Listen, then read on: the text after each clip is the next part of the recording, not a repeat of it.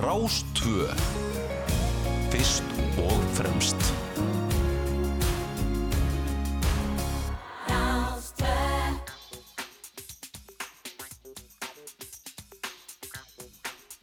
Góðan daginn ágættu hlustendur Rásar 2. Þá höldum við að stað í þáttinn fram og tilbaka hér á Rás 2 og ég heiti Felix Bergsson.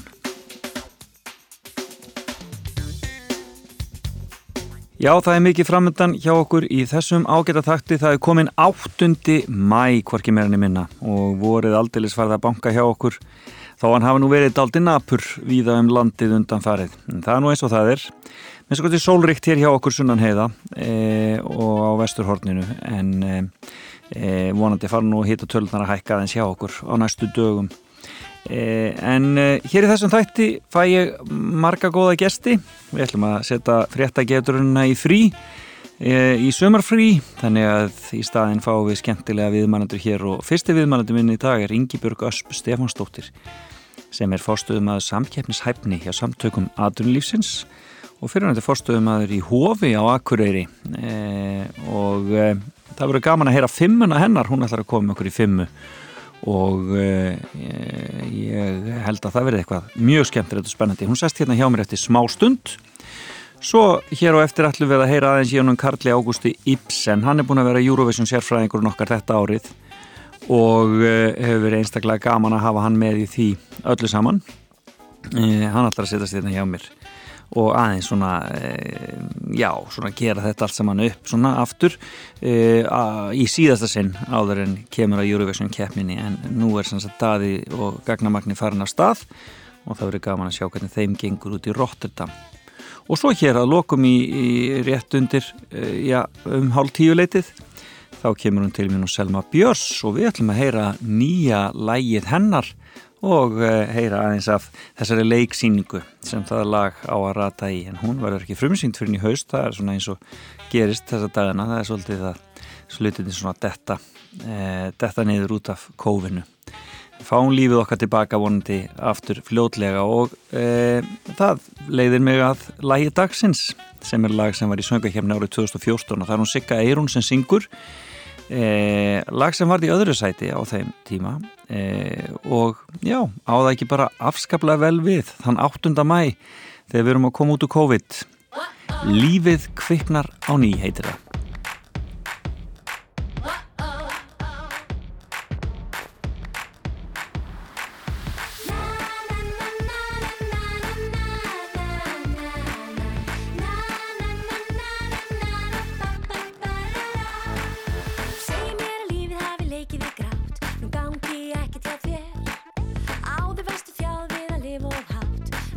Ertu aftur hér?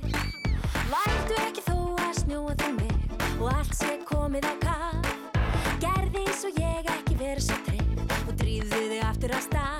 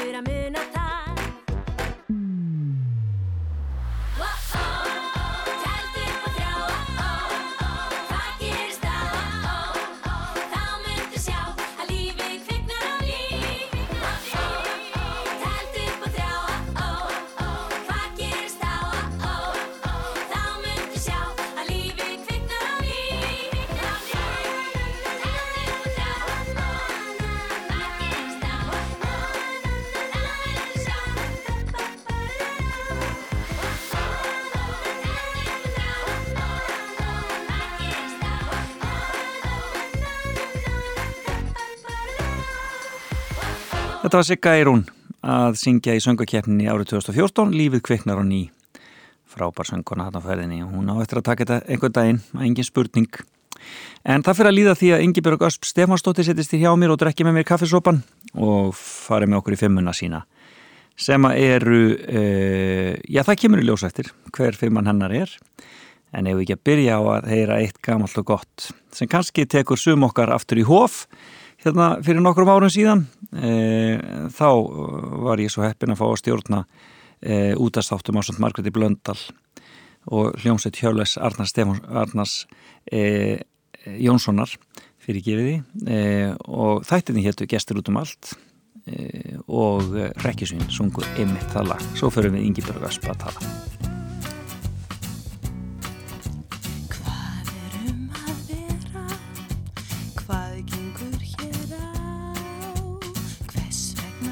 er ljós í stofinni Hvaða lykt er þetta? Hver öskrar eins og ljón? Danslöga blötum Leikin á grammi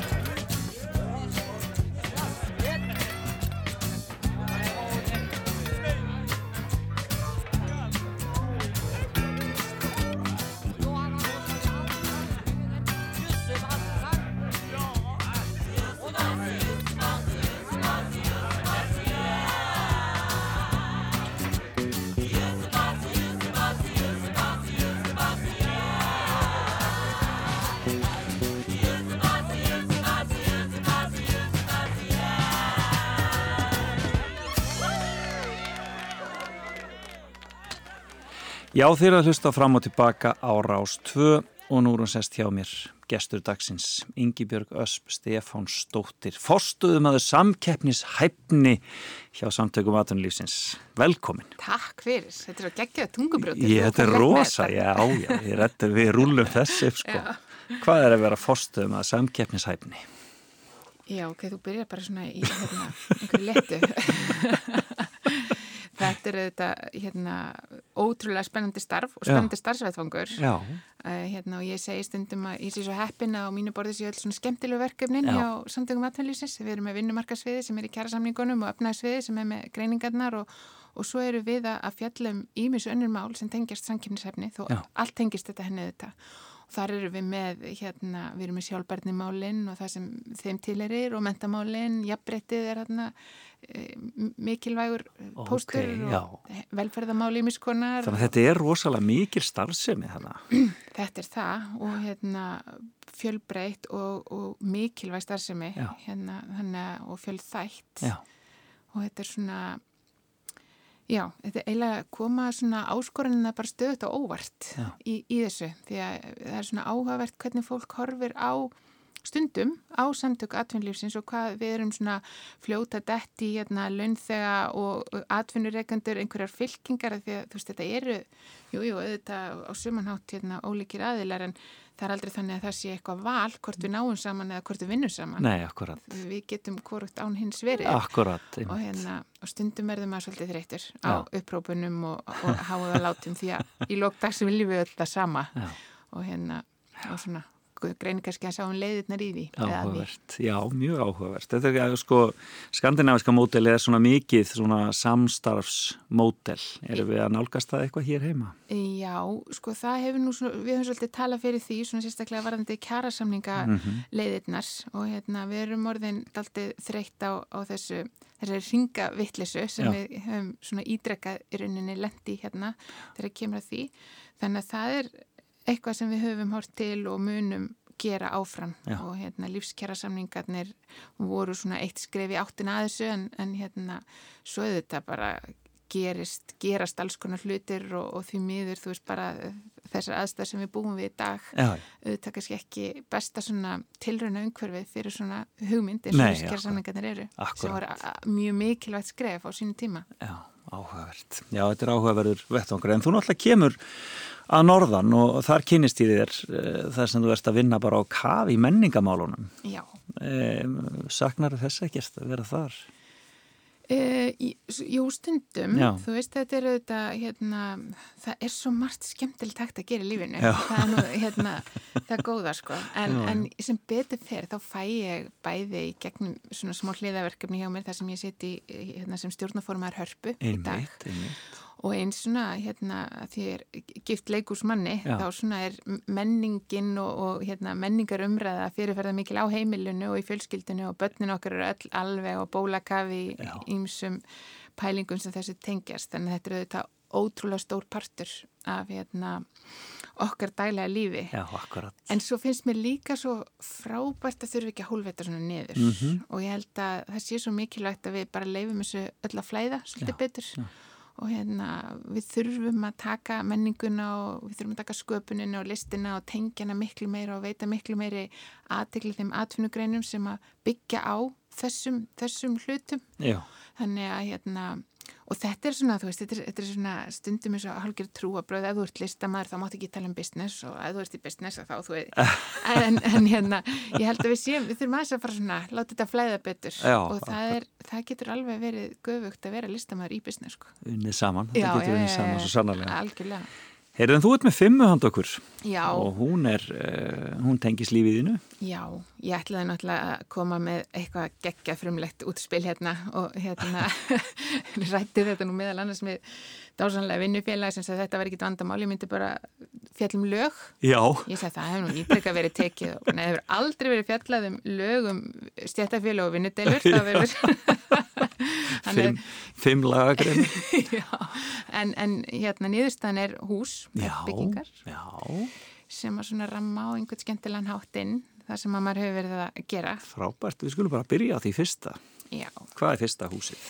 fyrsta húsið það er æsku heimilegs Já. í sveitinni ég er fyrir því Já, hvar er, hvar er það? það er punktur sem að hérna er inn í eigafæra og Punktur. punktur, þetta eru hérna punktur og komma Já, uh, bendi nú til þess að fóreldrar mínir hafi mögulega verið í einhverju smá uppreist gagvart kerfinu þegar va- hérna, þetta bæjar heitir valið ég held að hafi verið búin að reyna eitthvað eitt annað og ekki fengið náð fyrir einhverslags hérna nafnanemnd Já, það var svo leiðis, já, er það, en skemmtilegt, þannig að þau var- þarna. þetta var niðurstaðan og, hérna, og bara skemmtilegt. Já. ég held að þetta hljóta var eini, eini punkturinn á landinu. Hvar, hvar stendur punktur í? Já, í þe- þetta er sko, þeir sem þekkja til, svona eru, eru kunnir staðháttum, þe- þetta er hérna gamla ungustæðarheppi, þetta er austamegin eiga fyrir því, Já. beint á múti hrafnagili. Og það sem flestir þekkja nú í dag er jólahúsið inn í eiga fyrir sveit, þannig að við erum, þetta er svona hinum með vána, upp í fjallinu já, þar múti En skemmtilegt. og veita nú svona, já, ég held að flestir Íslendingar í dag veiti hvar, hvar jólahúsið er. Og ertu þarna fætt og uppalinn? Nei, við flytjum þarna þegar ég er fimm ára Já, hérna... mannst eftir því? Ég man vel eftir því og þe- þetta var alveg, mér finnst eins og ég sé nýræð þegar ég er að þetta upp. Þú veist, þetta er ótrúlegt, sko. Á hestvagninum? Já, líka við. En hérna, þetta er svo fallegt og svo hugsa ég líka að maður hittir sjálfan sig fyrir. Veist, ég er alltaf svona býstnast á kannski unga fólkin í dag og Já. þú veist bara hvað er næjuseminn og hvað er þetta svo rifja ég upp hvað gekk á og hvernig mamma og pappi unnu þetta Já.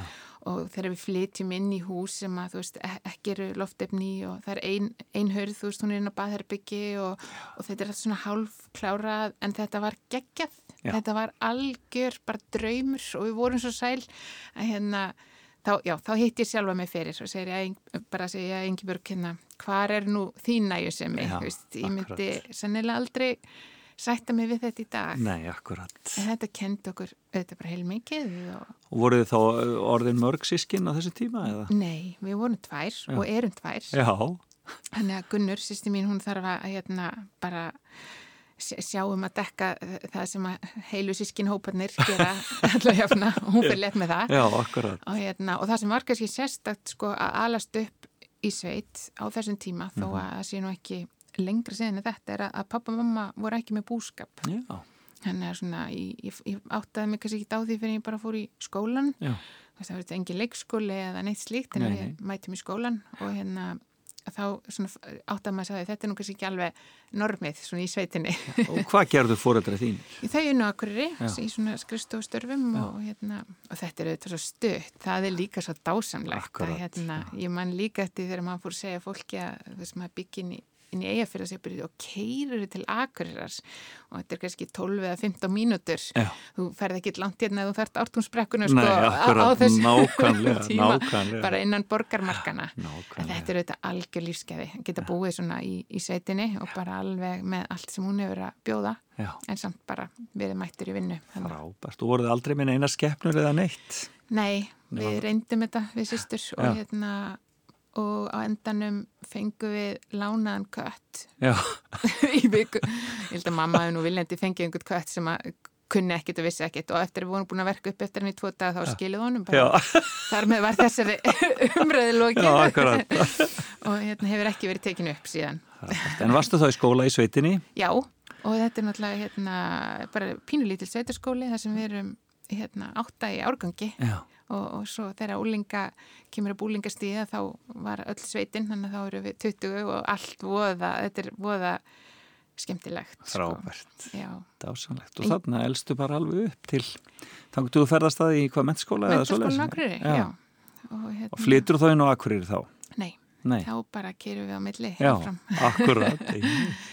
og hérna, og svo bý ég áfram í sveitinni sko, þannig að hérna í rauninni þegar kemur svo að því uh, mörgum árum setna að ég flytt Reykjavíkur að þá hafði ég aldrei búið nánast sko með einhverjum ör, örleitlim undatekningum annars þar enn í sveit þetta er dásanlegt. þess vegna er þessi lykt af mér Já, þetta er bara dásanlegt. sveitalekti Þarna punktur í eigafyrir. Hvað, hvað er næsta hús? næsta hús, heyrðu, þá lendi ég smá vandræðum en Nú. ég ætla að nefna hof Já, það, var, það er annað húsnefla á Akureyri sem að, hérna, kom sterklæti greina sem er sangkomuhúsið já, sem er auðvitað bara eitthvað svo einstakt hús Já. á allan hátt þannig að hérna en, en hofar fyrir valinu já, það, þú ert þar alveg frá byrjun. Já. Og þetta var svona, þetta var svo ótrúlega sko mikil áskorun á sínu tíma að fara inn í þetta, þú veist, hérna, við erum, Byrja náttúrulega upp úr hruni bara. hérna. já, og ég kem að verkefninu með öflugu fólki hjá Akureyra bæ, hérna, tveimur árum fyrir opnun Já, og raunir svolítið að móta bara mótilið Já. og hérna og svona finna út úr hlutum og, og þetta vo- voru þetta voru ótrúlega svona snúnir tímar Mhm. því að auðvitað voru við í miðri kreppu. Einmitt, fólk, þetta er húsið staðsett þannig að þarna keir allir framjá einu svona tvisar á dag og fólk var að koma af vinnustöðum þar sem voru uppsagnir og sækja börn í leikskóla þar sem var verið að minga opnanir og lokan, lokanir hér og þar og, og auðvitað var þetta bara svona tilvalin blóra böggull. Já, bara líka sko Akkúrat. og skiljanlega. Þess maður þurfti að mæti þess að þó nokkri er svona auðmygt já, og ég held svolítið í þess að já, heyrðu, þegar hof verið búið vera hér í fimm ár þá munum við lítið tilbaka og segja hvað gerðu við áður en hof kom já, svona maður held aðeins í það og, nákvæmlega. og maður las líka sögurnar sko, þú veist, það var ekkit e- e- hérna en, engin alls er að sátt um það þegar akkurar kirkja var byggð, Nei, þú veist, einmitt. þetta var bara Já, hérna, það var bara. Við þurfum við tvo turna og þarf þetta bæjast, er þetta staðurinn sko? Akkurat, einmitt. Og allir hafa haft skoðun á því að sjálfsögðu. Að ég já, held bara í, í þá vona þetta er nú bara eins og blómstriðina En þetta varð nú aldeilis uh, hérna, uh, success saga. Þetta var mikið, Já. þetta gekk gríðara vel. Já. Og fór að ganga bara strax mjög vel, eða ekki? Jú, og þetta var eiginlega bara kraftaverki líkast Mhm. og hérna fjöldin allur af, af mjög öflugu fólki sem að, að þessu kom Já. og það voru, það eru eiginlega fimm mánuðir en ekki fimm ár, þá var, þá var hérna, við þorfum við orðið sko, hvað hva gerðum við, hvernig gerðum við þetta áður en hof Og kom kom til. Og, og reksturinn gekk vel og húsin var fullt af lífi. Já, og okkur tókst eila svona það sem að fyrirfram svona maður hafði mest ágjur af að bara, ég talaði svolítið um að sko lækka þröskuldin, tryggja það að allir vildu koma inn og ættust sinn stað og sín augnablik í hofi. Já, og, hérna, og það gekk eftir. Við bara lögðum allt í það að, að búa til dagskrá sem að hérna, leiti það af sér. Já. Og þetta var bara hver, hver dásendar stundin þarna á fætur annari sem við upplifum. Dásanlegt, dásanlegt. Hvað, hvað hafðuru, hvaða bakgrunn hafðuru áður en koma þessu? Hvað hafðuru lært og svoleiðis? Já, ég er viðskiptafræðingur í grunninn Já. og hérna hafði unnið svona í störfum sem tengdust því Já. en hafði líka starfa sem hérna frangandastjóri hjá leikfæli Akureyrar Já, einmitt. í um tíma. Þannig að hérna það er kannski svona leiðin inn í þetta og þá er þetta vinnum að nái með hérna bænum og þeim Já. sem þær eru. Já, einmitt. Þannig að þú, þú ert fann að kynna stöllu batteríunu vel Já. áður en kemur að þessu. En hvar, hvar lærður þú viðskiptfræðina? Í háskólanum Akureyrar. Háskólum Akureyri, já, já. Þú fórst ekkert söður í það. Keirur þér bara úr sveitinni til þess að fara í þína viðskiptfræði. Já, já, já. En ertu þá komin með uh, börn og bur á þeim tíma? Já, Þú verður ung móðir. já, ég er náttúrulega búin að vera bara með, ég er búin að vera með lítið börn bara sem ég mann nánast eftir mig, Já, sko, akkurat. sem er indislegt. En elsta dóttir þín, hún er bara, þú veist bara kornung þegar hún kemur. Já, ég er bara rétt, er rétt rúmlega 20, 21 árs einmitt. og síðan hefur þetta bara verið eitt allsherjar stuð og, og fimm börn í dag og eitt barnabarn og, og hérna bara, já. En það hefur ekkert staðið í vegi fyrir því að, að fara í þetta viðskiptræðin ám og svoleiðis? Bara alls ekki sko. Og hérna og ég var alveg búin að hugsa alls konar hlutin á þessum tíma. Þá var þetta bara það sem að mig hérna langaði að gera. Já. eignast börn og bara svolítið hérna vinna þetta samhliða því. Já. ég ætlaði að vera svo ung sko þegar börnin er uppkomin. Já. ég sá, sá þetta kannski ekki allt alveg fyrir þá.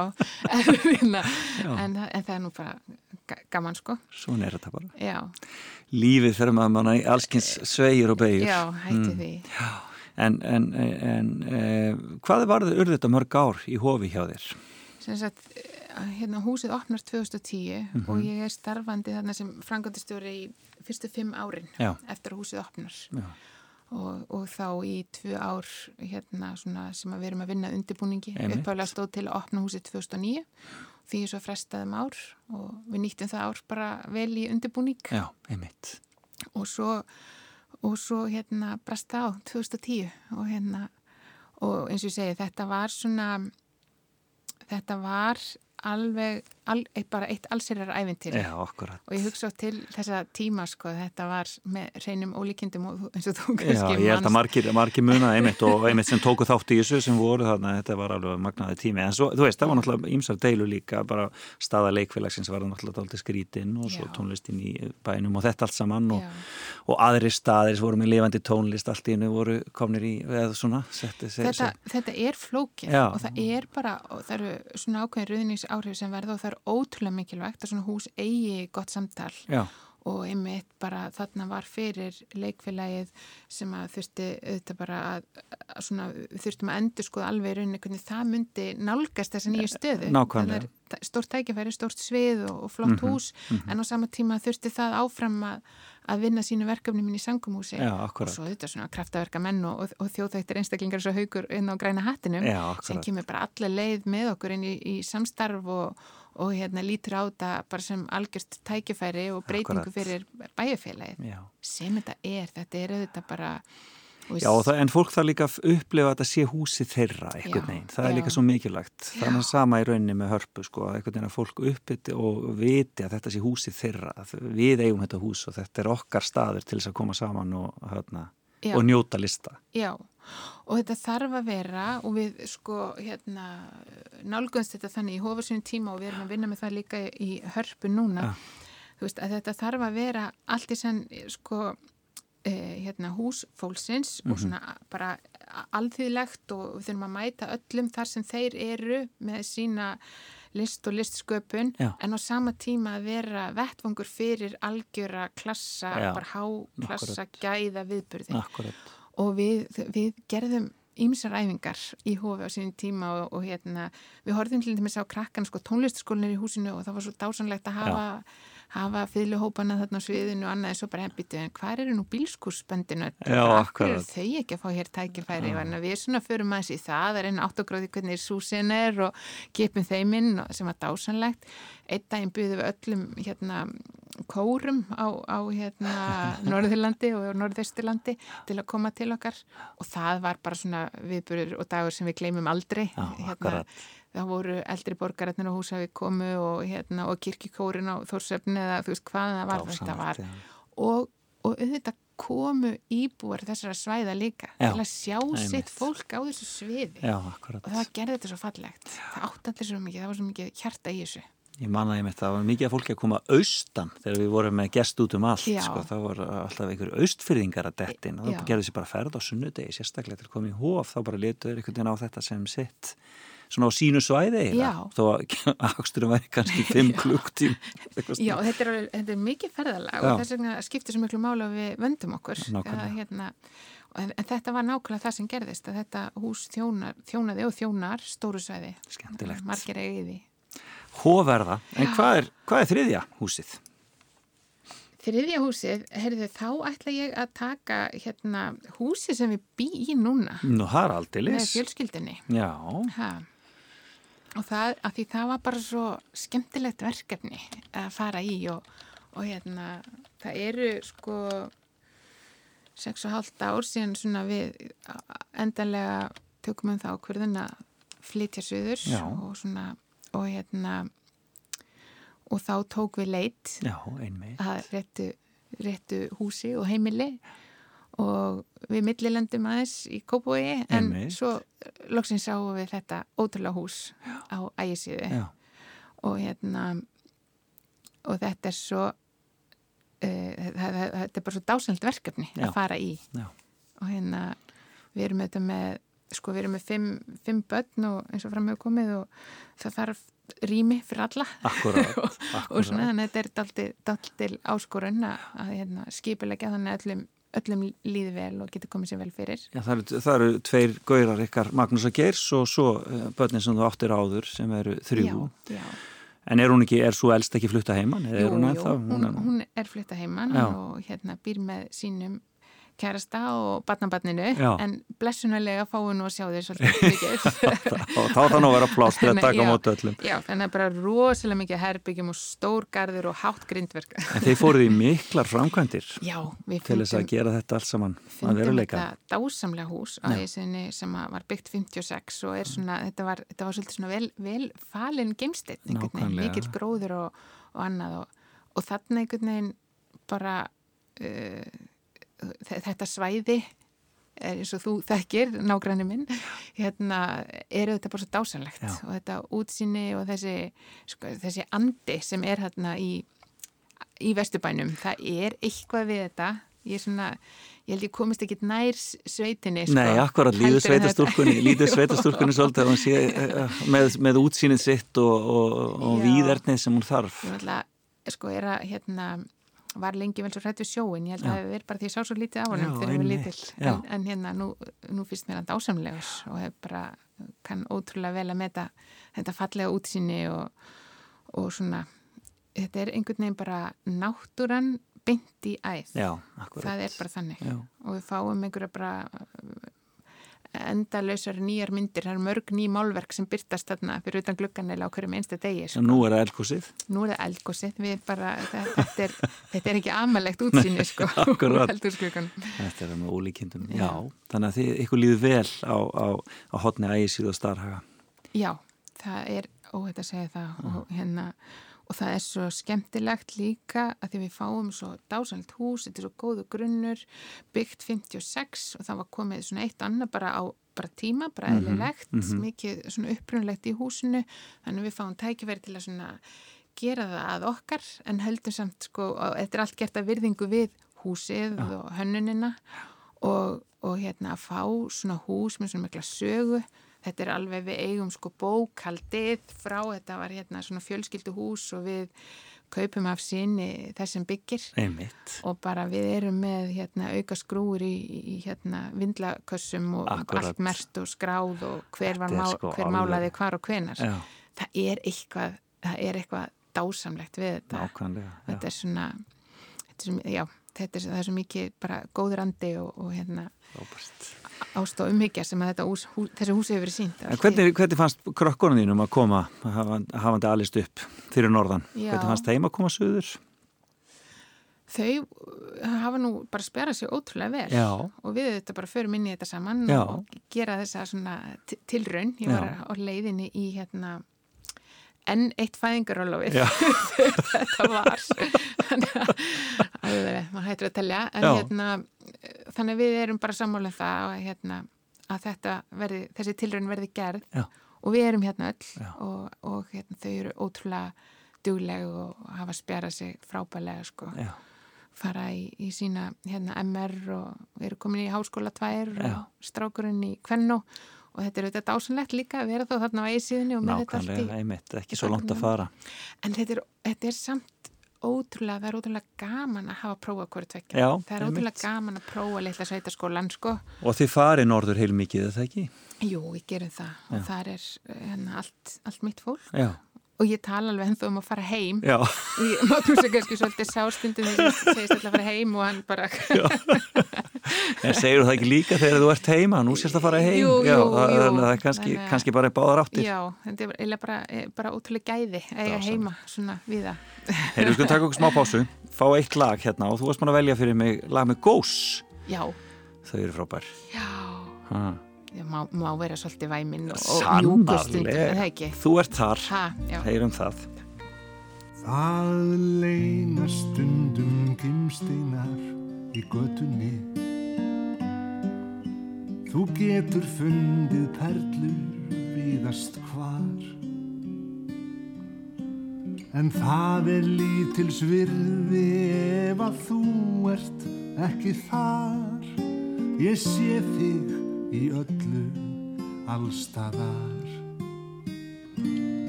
Þú getur fundið tilgang djúft í tóminu og tilverunni meiningu og svar. En það er jafnan fánýtt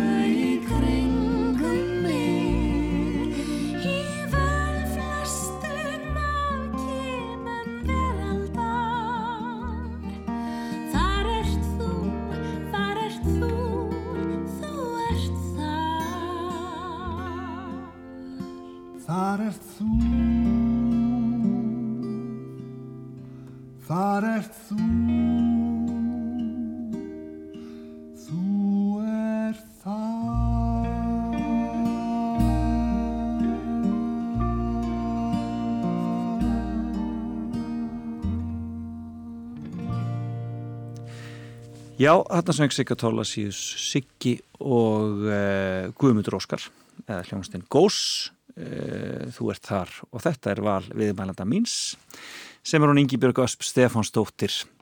Og við sitjum hér og erum að fara í gegnum uh, fimmuna hennar sem eru fimm hús. Við erum búin með punkt í eigafyrði hof, menningarhús og fjölskylduheimilið á ægisíðu. Hvað er næst, Ingi Björg? Þá er, þá er það hérna núverandi vinnustæður. Já, Hús atvinnlífsins. það munar ekki um það Já, við erum alltaf aðeins búin að svona, aðeins búin að tæpa á því hérna Já. áðan, en, en hérna, en mér finnst þetta bara svo dásanlegt hús og, og mikilvægt. Já, Þetta er dásanlegt á allt annan hátt en heimilið eða, eða hof, en hérna enga síður ótrúlega mikilvægt. já, Og góður hérna- andi í því húsi það er góður andi, gengur auðvitað mikið á. Þetta er svona Eh. þrýr turnar byggt einhvern tíman á hvað nýjönda áratögnum eða hvað? Nei, já, það er hús verslunarinnar. Það er hús Já. já. Það er hann við kringluna, sko. Já, ég er að rugla saman við-. Það, já, einmitt. Og hérna, og þarna eru samtök atvinnulífsins og aðildarsamtök hérna sem því tengjast. Einmitt. Og, og Hvar í borgartúnin er þetta? 35. Já, Þannig að þetta er skemmtilega staður Já. og, þa- og þar horfi ég líka út á hafið. einmitt. Er alveg... Þú ert með hafið hvorum megin já, bara. Já, já, já, og svo fer ég á fundi hörpu og horfa á hafið. Já, akkurat.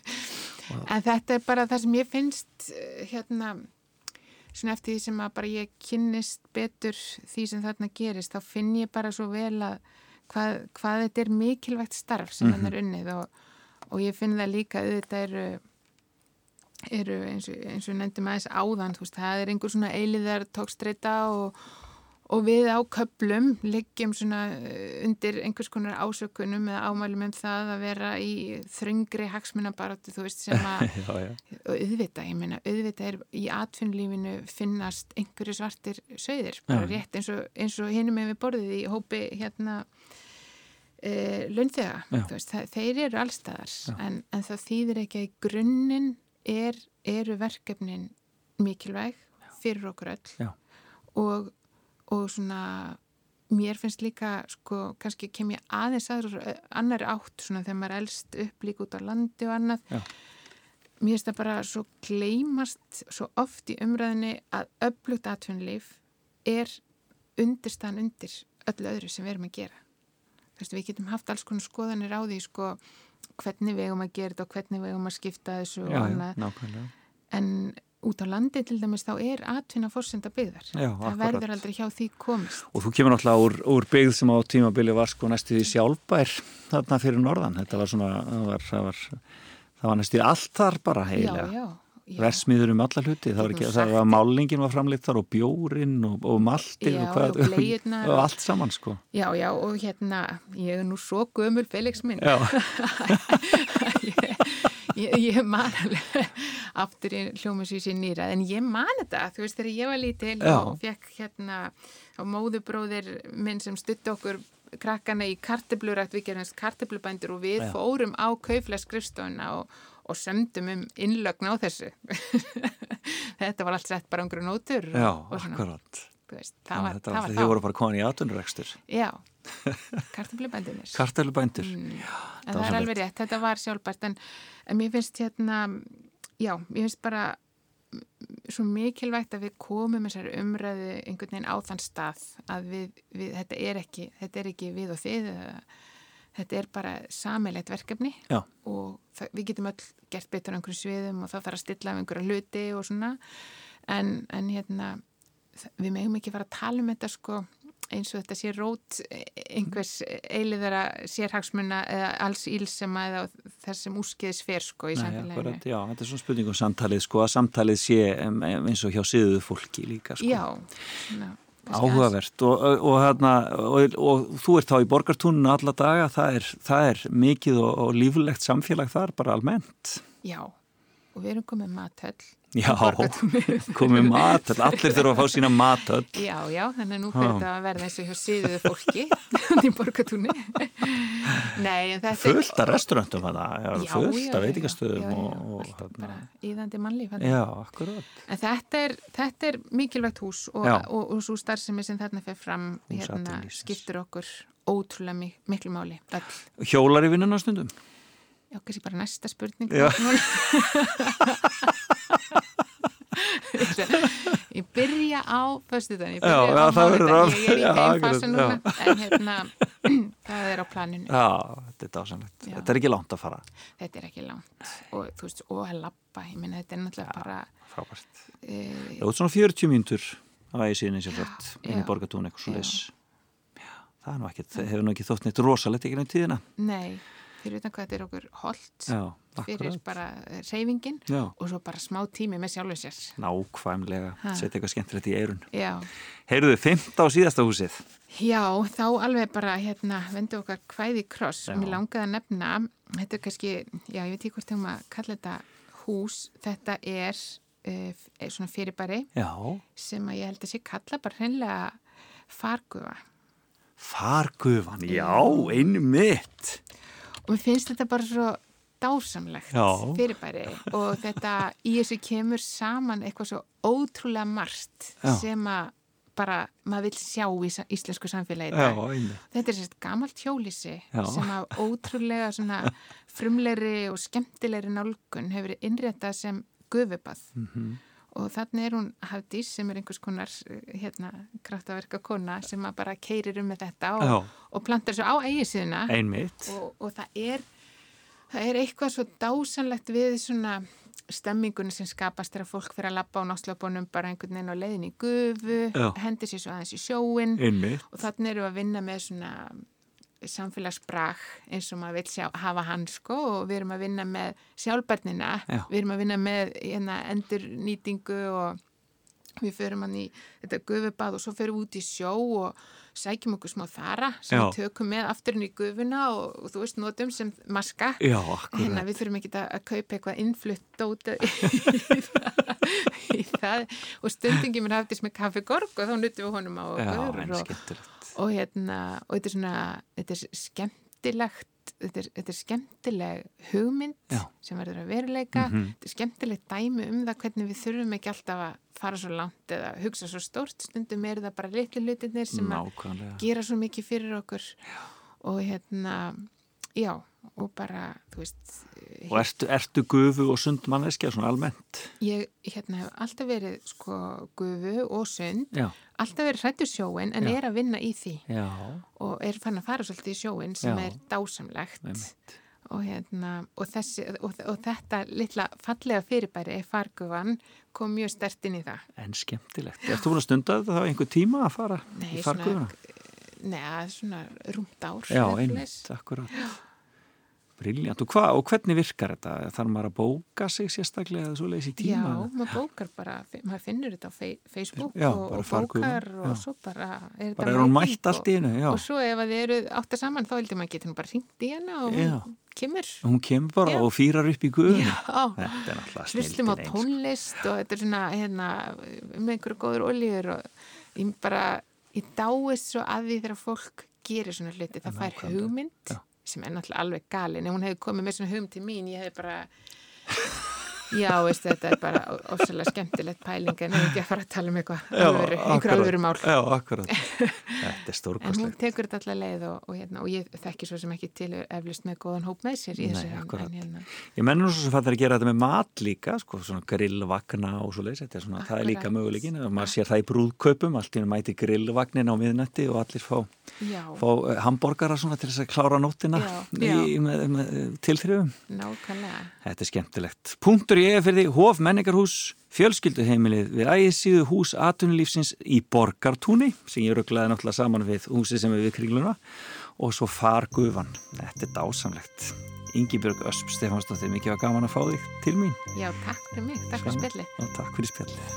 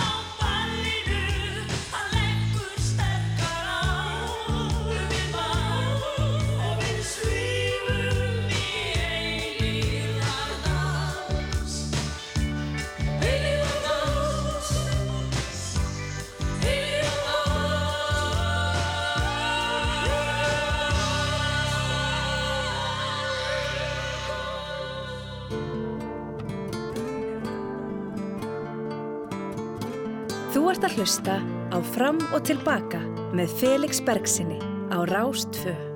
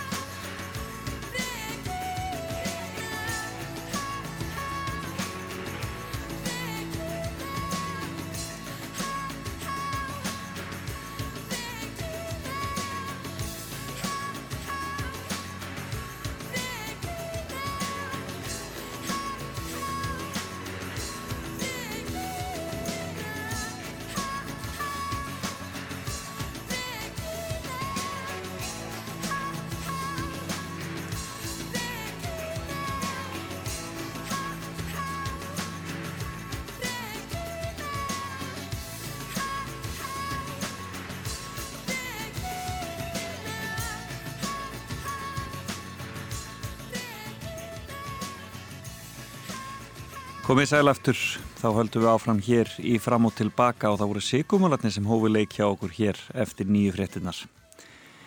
Regína, frábær hljómsveit sigumólarnir eh, og gerðu það aldeilis gott á eh, nýjunda og tíunda áratugnum.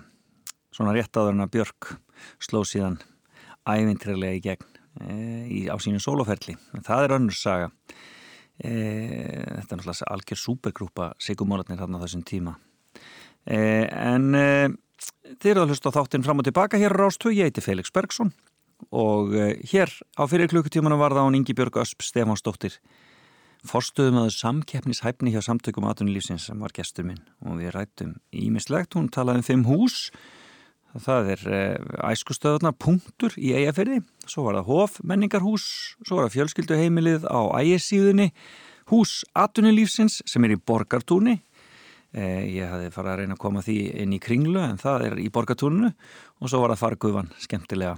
Eh, gaman að heyra í Ingi hér. Og ef þið mistuða viðtalinu þá er alltaf hægt að fara inn á alla miðla, eh, bæði rúf.is og, eh, og ná sér í hlaðvarpið eða podcastið og hlusta. Eh, En hér eftir smástund þá ætlar hann Karl Ágúst Íbsen að setjast hjá mér og við ætlum að ræða um Eurovision, það veitir ekki af.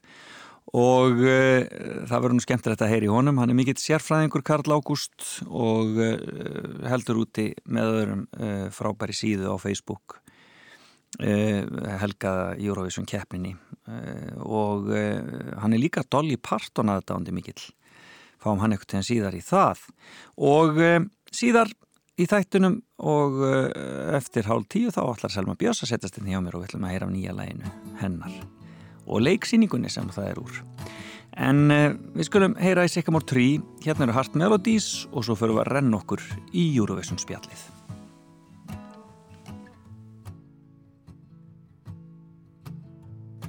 Me all your heart's melodies. They're like an unsung song. No matter how you try to find the words, these wounds they haven't changed you. Ooh,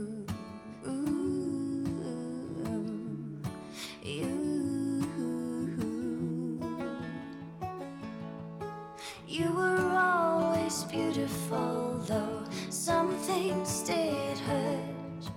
Quiet your mind so you can hear. Those battles they did end, and you've come so far. Not chasing words, just your heart.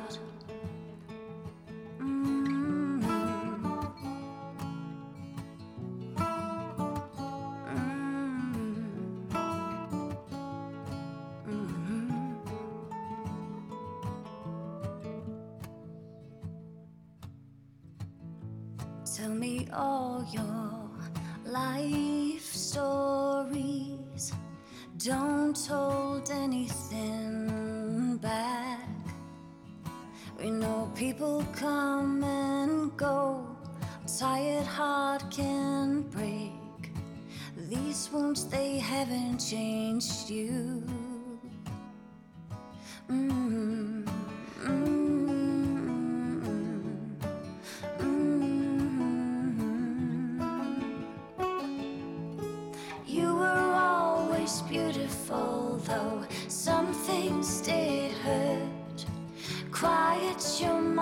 so you can hear.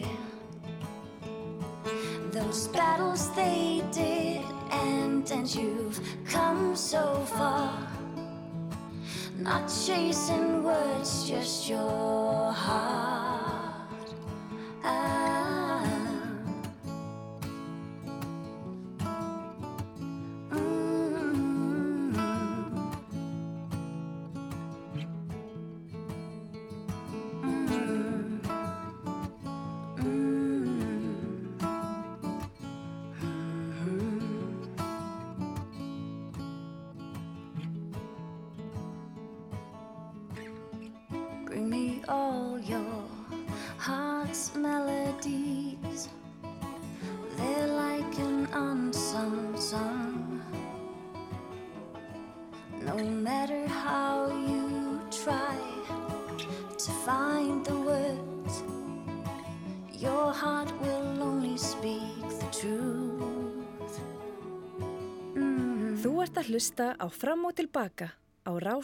Écoutez-moi,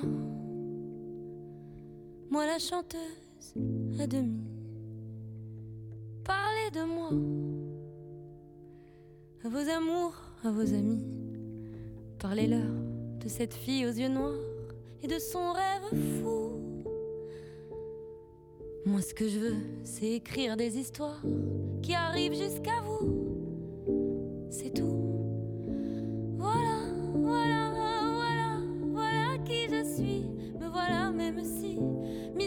J'ai. Oui, me voilà dans le bruit et dans le silence.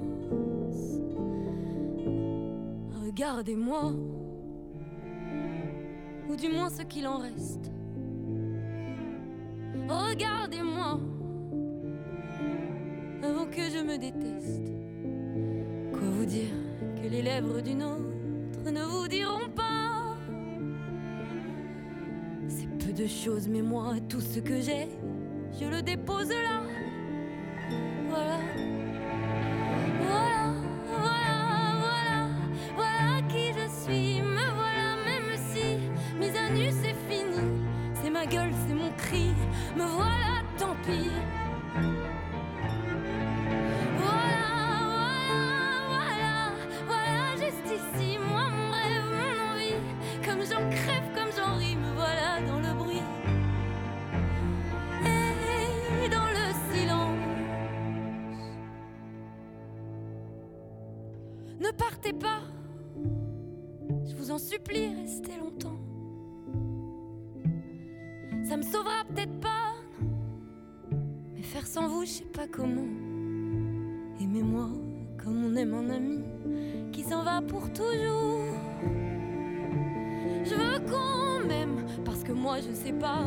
bien aimé.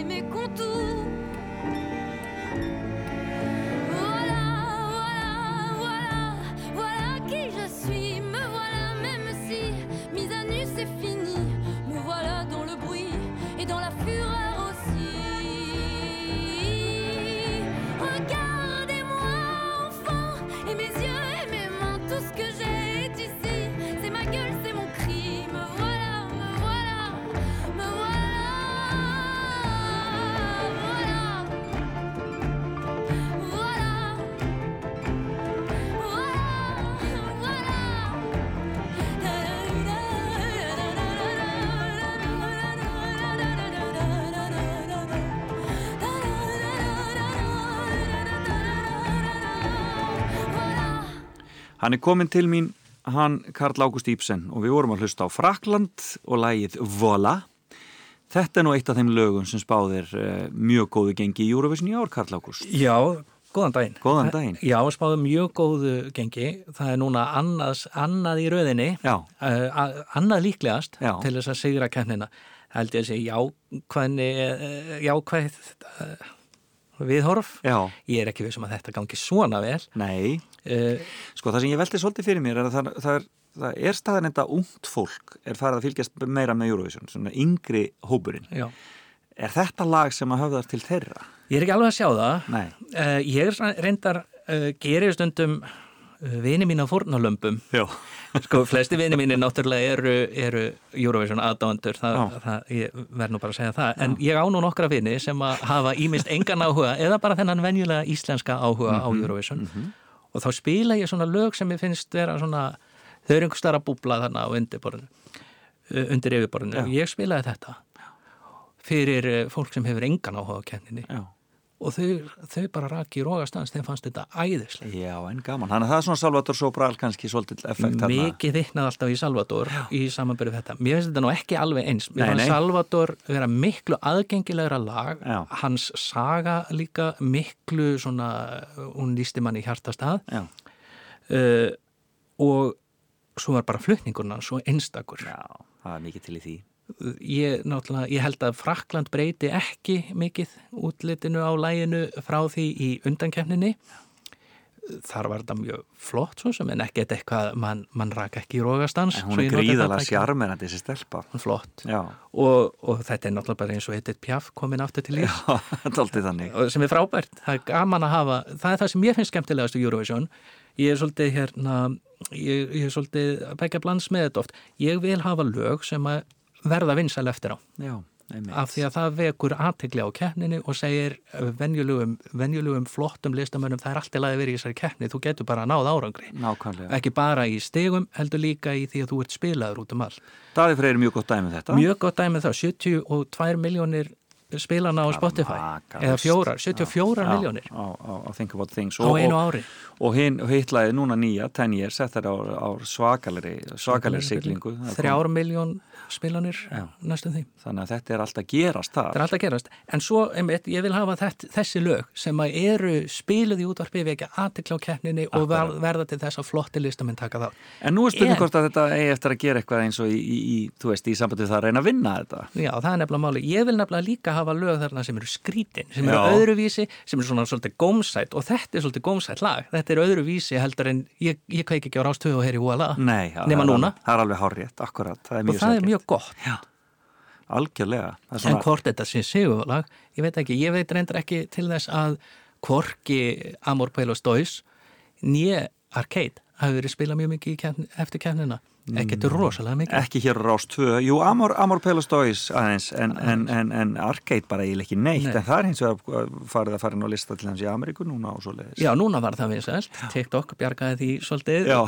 Og, og en að þetta, er alltaf einhver verkværi sko. Já. en það hafa verið lögin sem lendi öðru, þriðja, fjórða, jafnvel sæti sem eru mest spiluð. Og það, er allt í lagi. Það er sigurinn er ekki alltaf fækin í því að halda á hljónumannum eftir keppni sko. Common Linnets, mjög Common gott Limit. mjög gott dæmi, Fuego. Já, akkurat. Þetta eru lög sem að verða gífurlega vinsæl eftir keppni, og í rauninni vinsætli heldur en kannski sigurlega miklu vinsæl. Aðtilsveit, en hvað með það okkar? Eh, Nú er allir að velta því fyrir sér. Nú er, nú er hann farin af stað. Nú er hann farin að stað og, og kafbáturinn sem að er daði Já. er komin á fulla ferð. Þetta, gekk, þetta fór hægt af stað Mhm. í, í bæði í aðdóndakostningum og, og svona þessu umtali á Mhm. Twitter. Uh, en þetta er alltaf að gerast núna. Hann er sífælt að færast ofar í veðböngunum komin í topp 5 og ég, ég trúi því að þetta verði hann, hann verður þarna í topp 5 Já, uh, ég þór ekki að fara allalega með þetta. Nei, bara svona því að þetta verður hægt að spila þetta fyrir mig þegar að en ég held að við séum að fara að sjá miklu betri árangur heldur en margir ég var að segja óttuðust í hérna í byrjun og þar á meðal ég, ég Það eru, það. það eru mismunandi dómnefndir uh, núna svona að, að, að spá, Já. sagður mér Já, það er annars vegar þetta aðdándaklúpanir, Akkurat. Fáses uh, sem er hér á Íslandi Já. sem margir hafa heyrt um það heitir Ógæ í öðrum löndum. Já. Uh, þar eru við tiltullega já bara svona miðja, miðja, miðbygg við erum í 13. sæti þar síðast er í gáði. Já, en svo er annað uh, og það eru bara aðdándur, það eru hörðustu aðdándur, það er fólk eins og ég sem er að kjósa þar, það er fólk sem er búið að uh, hlusta á öll lögin aftur og aftur og aftur og lögin í fyrra aftur og aftur og aftur. Og þar uh, verður uh, þar gæld, gæld, gælda þessi lög sem hafa verið þessi fleitindu sem eru að koma aftur gælda fyrir það hvað þeir gerðu síðast. Ég skil þig. Í, og, og kannski er einmitt uh, þar daði að gjalda fyrir það að þetta er nýja brömiði farið fyrir, fyrir okkur sem erum að hlusta svona rosalega mikið. Nýja brömiði er ennþá til staðu fyrir venjulega aðhörvendur og þá sem ekki eru að fylgja svona mikið með. En þó er hann það vinsæl að fólk mun segja, að já, ég kannastu þennan þannig að nákvæmlega. hlusta á hann. Já, og hinn hin domnetin heitir Eurojury og er á síðu sem heitir Eurowa. Svo gaman að vera Eurovision aðdand og fá að slá um sig með svona skrínum hlutum. En uh, þar uh, eru þetta svolítið eins og domnefndirna sem að þið eru að velja hér hjá Rúf já, akkurat. Þetta eru fagmenn, Já. þetta eru fyrrum keppendur, keppendur úr barna Eurovision og svo framvegis. Þar eru við topp þremur. Akkurat. Þannig að, fyrirfram hefði ég kannski ekki haldið að Ísland væri endilega mikið domnefndalag ég hefði haldið að þetta væri áhöröndalag en ég held að þetta sín okkur að við erum bæði. En þú uh, vildir aðeins tala líka um Dark Horse eða svona þessa óvæntu. Hverjir eiga eftir að koma svona óvænt núna þessar síðustu tværi vikur? Má ég segja aftur Ísland? Já, Ísland, segja, já. Ísland verður þarna af því að það var kannski ekki gert svona mikið ráð fyrir því að Ísland erði á topp 5 Ok. ekki alveg í byrjun. Nei, nei, það verður það núna, ég, Mhm. ég bara staðfest. Uh, önnur sem ég held að muni koma mjög á óvart Frakland sem við spilum hérna áðan já, það að ef að Frakland er í topp 5 kemur mjög á óvart. Alveg sama hvað er búist við í einhverjum aðdóndakostningum framað eða veðmálum eða einhverju svoleiðis. Frakland er eh, svolítið, minnst þeir alltaf koma með mjög flott lög en þeir kunni ekki að sviðsita þau. Nei, nei, og þeir gjalda fyrir að vera á topp 5 Já. eða fyrir ekki stóru 5 Já, öll löndin sem eru stóru 5 gjalda fyrir það. Uh þetta er mjög slæm stað að vera í af því að fólk heyri lægi bara einu Akkurat. ekki tvisvar. En einhver önnur sem er dettur í hug? Rúsland Já, þú heldur að það sé. ég held að þar séu við að horfa á topp 5 líka Ég held að það veri geðveik sviðsetning. Ég get ekki byrð eftir að sjá. Þetta verður rosalega flott. Mhm. uh, Rúsland er uh, að senda allt öðruvísi lag heldur en þeir hafa vanalega að senda allt Mhm. öðruvísi flytjanda. Þarna er komin minnilhluta, uh, manneskjur minnilhutahóp, manneskja sem, hún er innflytjandi frá Tatsikistan. Uh, er Best fyrir mannréttindum. Best fyrir mannréttindum. Flóttafólks og, og, og hins eginn fólks og hinsegin- hvenna. Og ofinberlega og, og, og, og bara hátt. Já.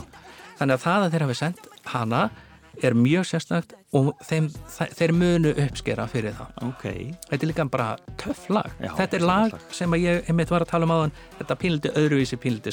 Já, akkurat. Eitthvað lag sem heyrir ekki endil í útvarpinu en um leið og heyrir það þá er kant að meta.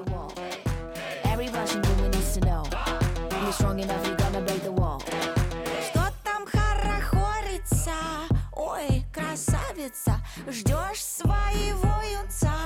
Ой, красавица Тебе уж за 30 Алло, где же дети? Ты в целом красива Но вот похудеть бы на день подлиннее На день покороче. Росла без отца, делай то, что не хочешь. Ты точно не хочешь, не хочешь, а надо. Послушайте, правда, мы с вами не стадо. Вороны, пиш-пиш, прошу, отвалите. Теперь зарубите себе на носу. Я вас не виню, а себя я чертовски люблю. Борются, борются Все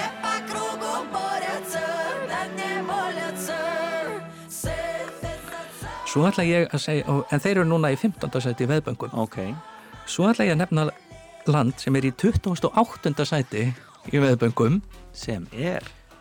Þetta er Danmark. Já! Þeir mun, þeir, uh, þeim er jáfnvel ekki spáð út úr undankefni Nei, núna. nei.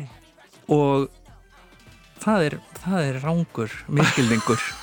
Nú talar Eurovision Nú aðdáðin. talar Eurovision aðdándin og við Eurovision aðdándin við björgum þessum lögum úr undankefnunum. Dark Horse í mínum huga er ekki endilega hver vinnur. Nei. Það er hver kemur með eitthvað, eitthvað, svona, eitthvað svona nýtt öðruvísi og gerir betur en við er búist. Já, sko, þau eru með, sko, þau eru með, sko, þau eru með 80s en þau eru sko með gamaldags 80s eins og svona gamaldags Eurovision 80s, sko. Gamaldags-. Já, ég menna þetta er bara uh, við bíðan þetta er alveg sami stílinn sko og það virkar alveg Já.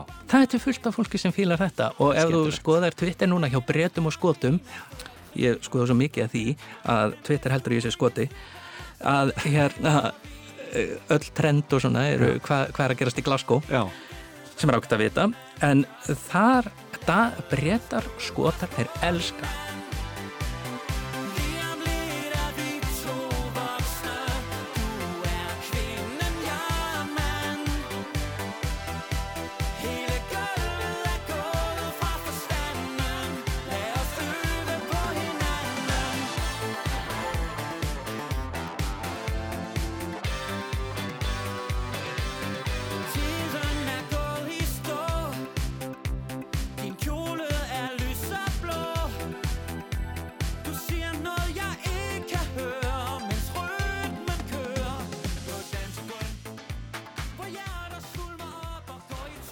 Danskaleg, þetta er bara, og skemmtilegt. 80s, við sáum það í undankefnunum öllum, Já. 80s er að koma tilbaka. Já, svona líka, já, já. Það er, en það er svona weekend, það er svolítið þessu, uh, the weekend uh, áhrifin, er það ekki? Jú, klárlega. Fleira? Við, við verðum að nefna litáin. Já. Okkar, okkar vonda, uh, vonda draum að þeir kannski takið fram úr okkur. Þeir eru núna í áttunda sæti í uh, veðböngum en það er risastór díaspora. Ég ætla að lefa mér að segja díaspora því þeir nota þá orði heimskviðum hér á rás 1. Já, já. Uh, brottfluttir litáar eru út um allt. Þeir fá til dæmis yfirleitt allt á tólstig frá Írlandi. Akkurat. og þetta lag er flott þetta lag er, er uh, öðruvísi Mhm. en samt mjög aðgengilegt þetta lag gæti alveg verið spilað í útvarpi dagstaglega Sannlega. og að vera í áttundasæti núna með alla þessa díaspóru þetta, þetta ég held að þetta verði ofalega Þetta er spennandi maður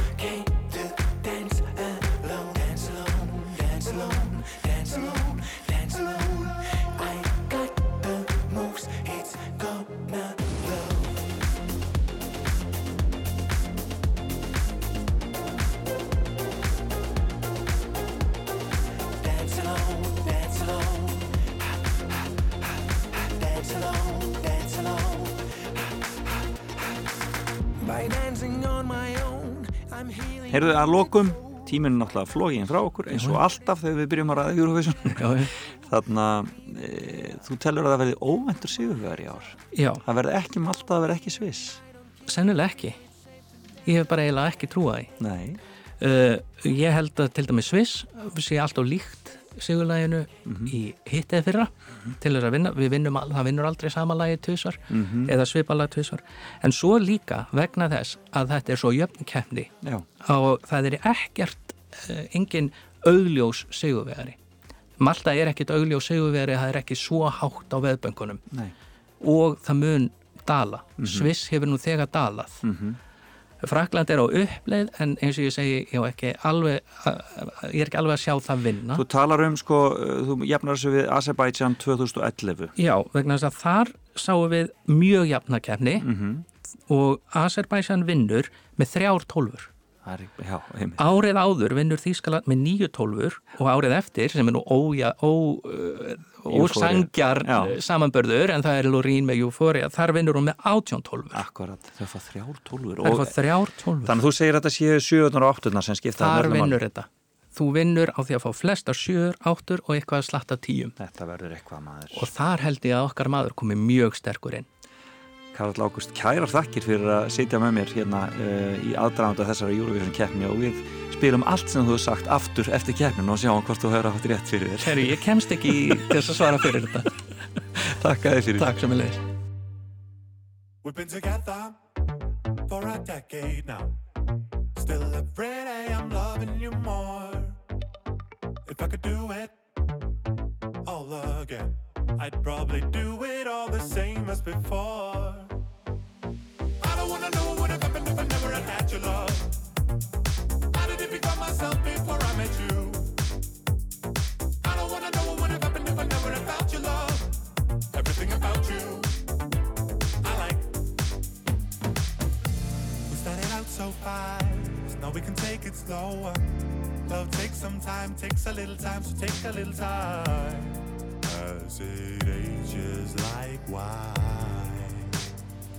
How does it keep getting better?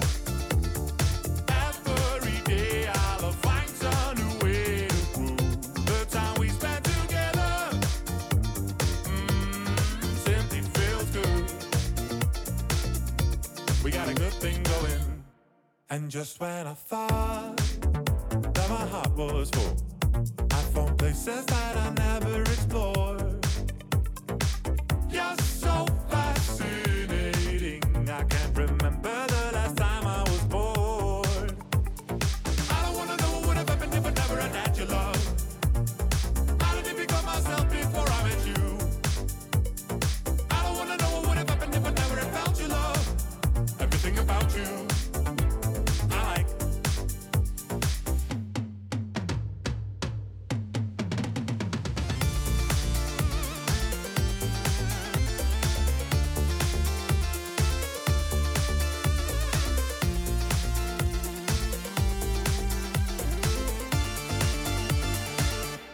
Does it keep getting better?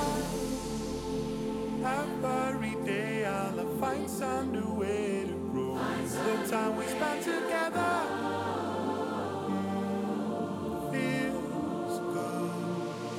How does it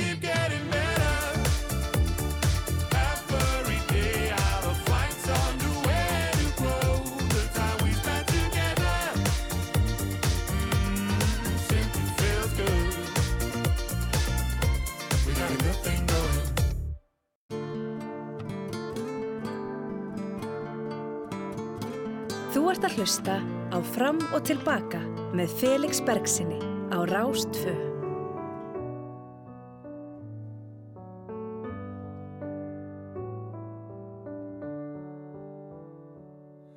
Og núna þegar við vitum allt Og vindurinn fréttinnar ber Til okkar og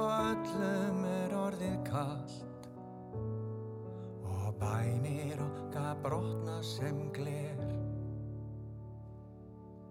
Örug í vökunni við sváfum sátt. Sólríki dagar fullir af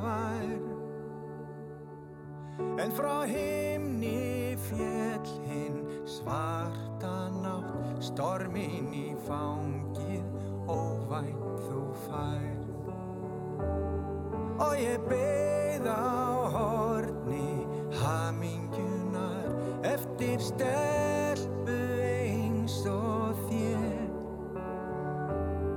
Og þú komst úr fangi sorgarinnar beint í fangið á mér. Ormin villast enga finna leið Það er sárt en þannig er það. Sumir segja leiðin sé alltaf grein En enda svo á raungum stað. Og maður eyðir ævin í það starf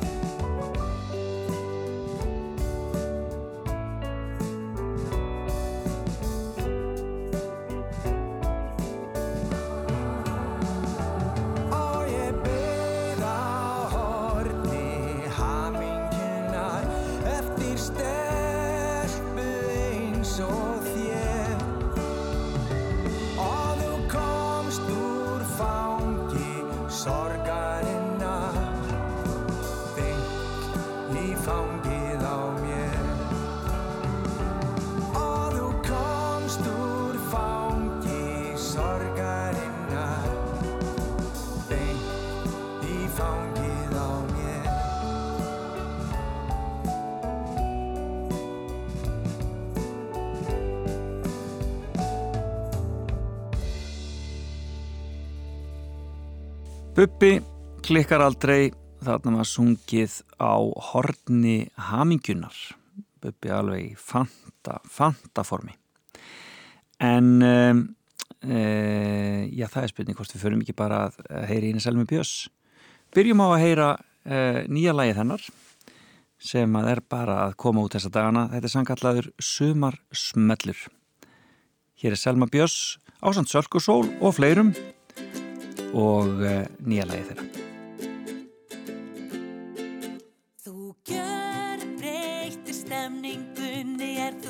Komst inn úr rigningunni með rauðvinstár og hárið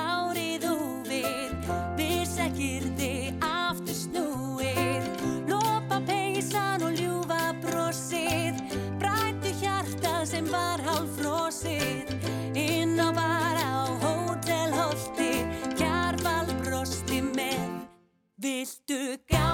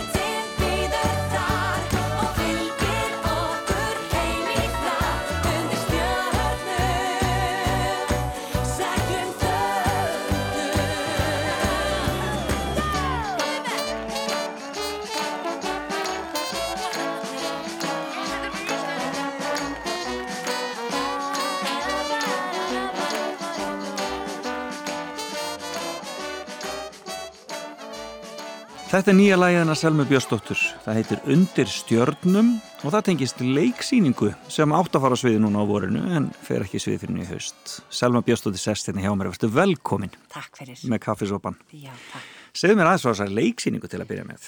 Já, þessi leiksýning heitir Býtu bara Mm og er í rauninni grín sketsa leikrit. Já. Við erum þrjár sem stöndum á sviðinu og Já. þrjár sem skrifum verkið og það eru ég og Björk Jakobsdóttir og Salka Sól.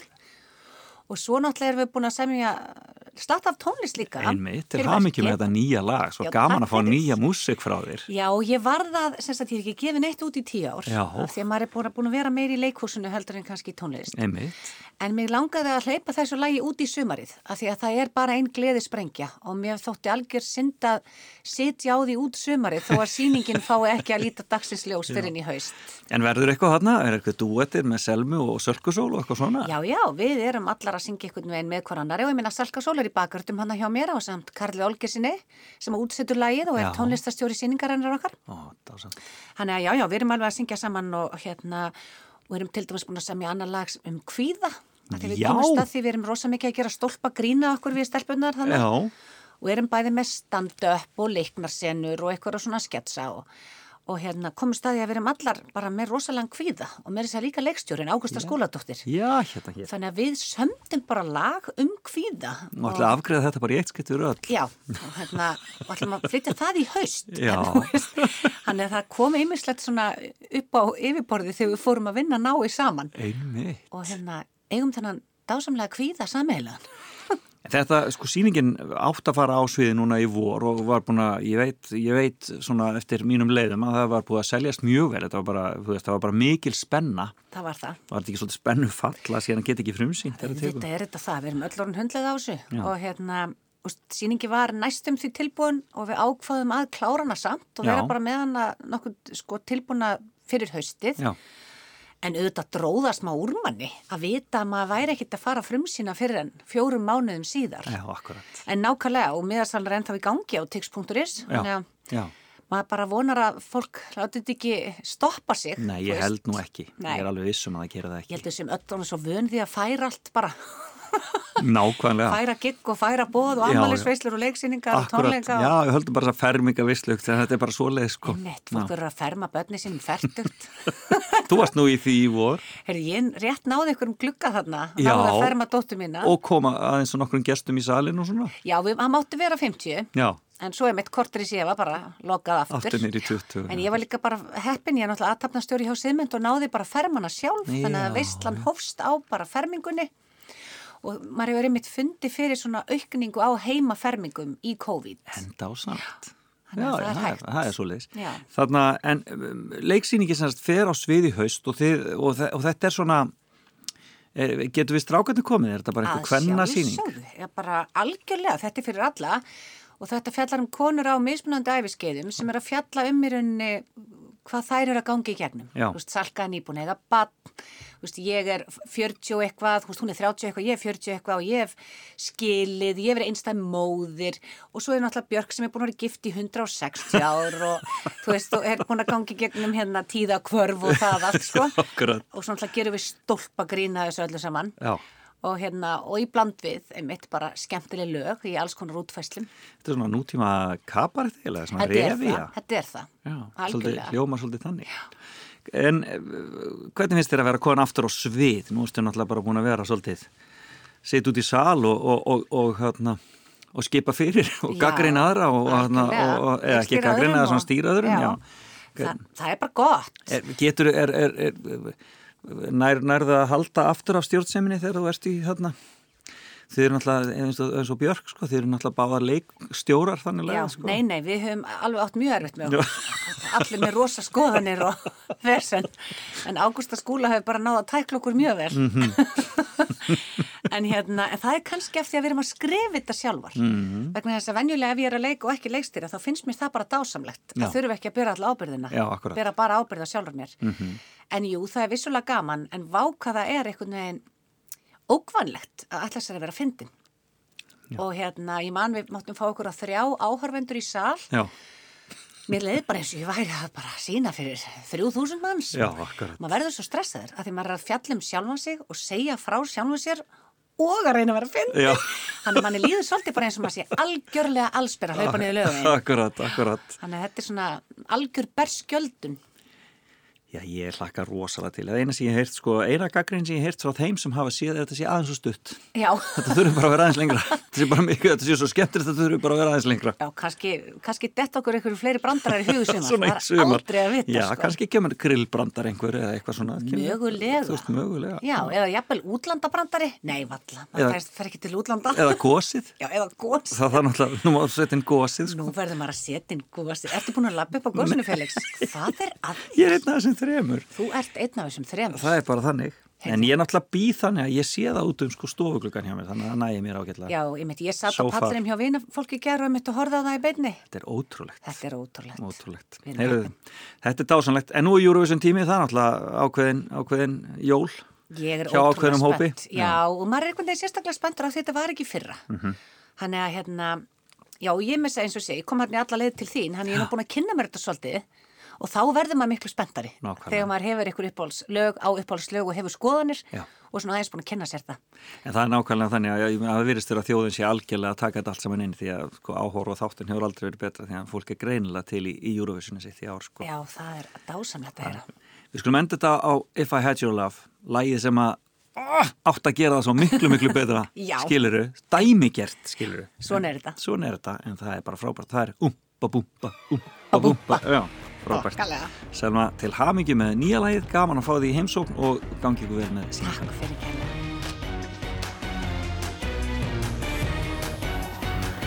If I had your love, you would be what most inspires me. Sacred soul,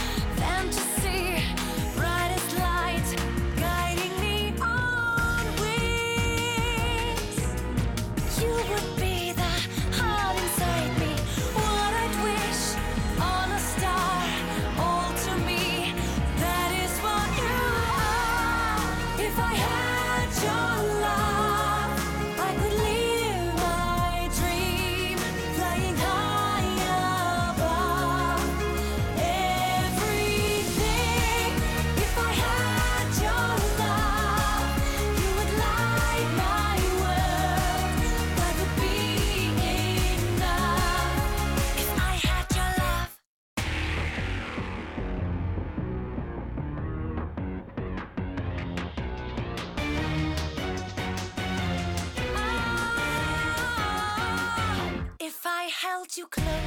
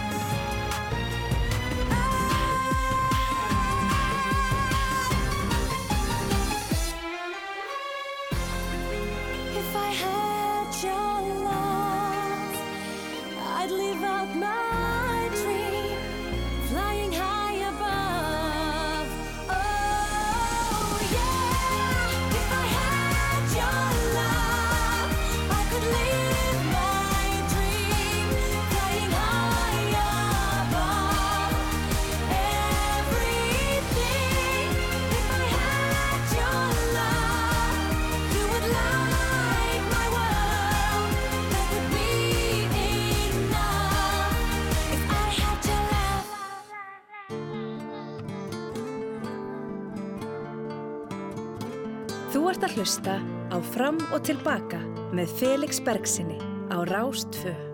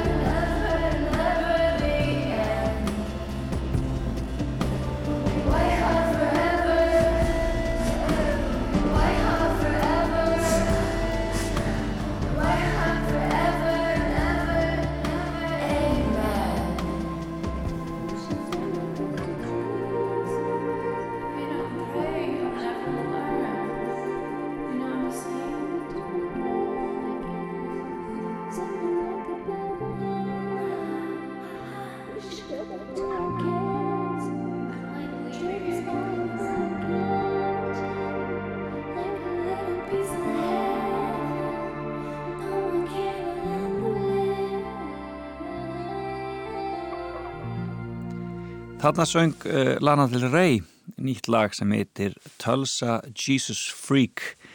Lana Del Rey alltaf alltaf uh, frábælistamæður og hefur gert það gott í gegnum tíðina. En uh, dagskráin hér á Rás 2 hún rekur sig eins og áður á laugardegi, Salka Sól tekur hér við eftir smá stund og sérum sinn skemmtilega þátt. Gaman að sölku hvað hún er að spila uh, skemmtilega músík uh, og ofta til því svolítið gamla músík. Hún er mikið, í, mikið uh, á, á sjöni uh, og jafnvel niður í, niður í semst, já, að sexuna eða sjöunda áratvíin uh, og það verður spennandi að heyra hvað kemur frá henni í dag. Síðan er það allir það ekki. Eftir hátdegið og allir már e, e, leifir ykkur þar að ringja og, og, og byggja um óskalögin ykkar og svo leiðis og svo er það vinsallalistin á sínum stað og það er Lóvísa Röð sem stjórnar honum eins og áður. E, lagalistin síðan í kvöld og Matti, Matti, Matti Már tekur á móti gestum í hverju viku og það verður spennand að heyra hver verður hans gestur að þessu sinni. Alltaf gaman að því, já já, verið með okkur hér á Rástvö og njótið. E, og ef við kíkjum á sjómanstagskrána þá er nú ímislegt þar líka í kvöld. E, auðvitað er ég persónulega spenntastur fyrir alla leið sem verður klukka 19.45 í kvöld en svo er mikið af skemmtilegum bíómyndum. E, Sweet, America's Sweethearts og, e, og síðan Fatal Attraction eða Háskaleg kynni. Það verður spennandi og hver allir segja okkur frá henni Já, það er Andrea Björk Andrisdóttir, hlaðvarp stjórnandi Bio2 sem ætlar að tala um Fatal Attraction uh, í liðinum Bioast áðanum myndin fer síðan í gang. Skemmtilegt. En þetta er búið hjá mér í dag. Ég þakka ykkur fyrir. Næst heyrði frá mér frá Rotterdam. Er alltaf ég að tala við ykkur í næsta þætti sem verður nákvæmlega eftir viku þann 15. mæ. Ég er bara hlakka til að vera með ykkur þá eins og alltaf. Takk fyrir í dag. Bless, bless. minn Stryk framann úr mér mesta hárið. Norðangarinn feikir mér um kollin á þér sem þú liggur á grúfu. Andar að þér flóru landsins. Frelsið er yndislegt, ég gerum það sem ég vil. Skildrim að verða leiður á því til lengdar að vera til. Er indislegt, ég ger það sem ég vil. Skildi maður verða leiður á því til lengdar að vera til? Minn er fullt af mold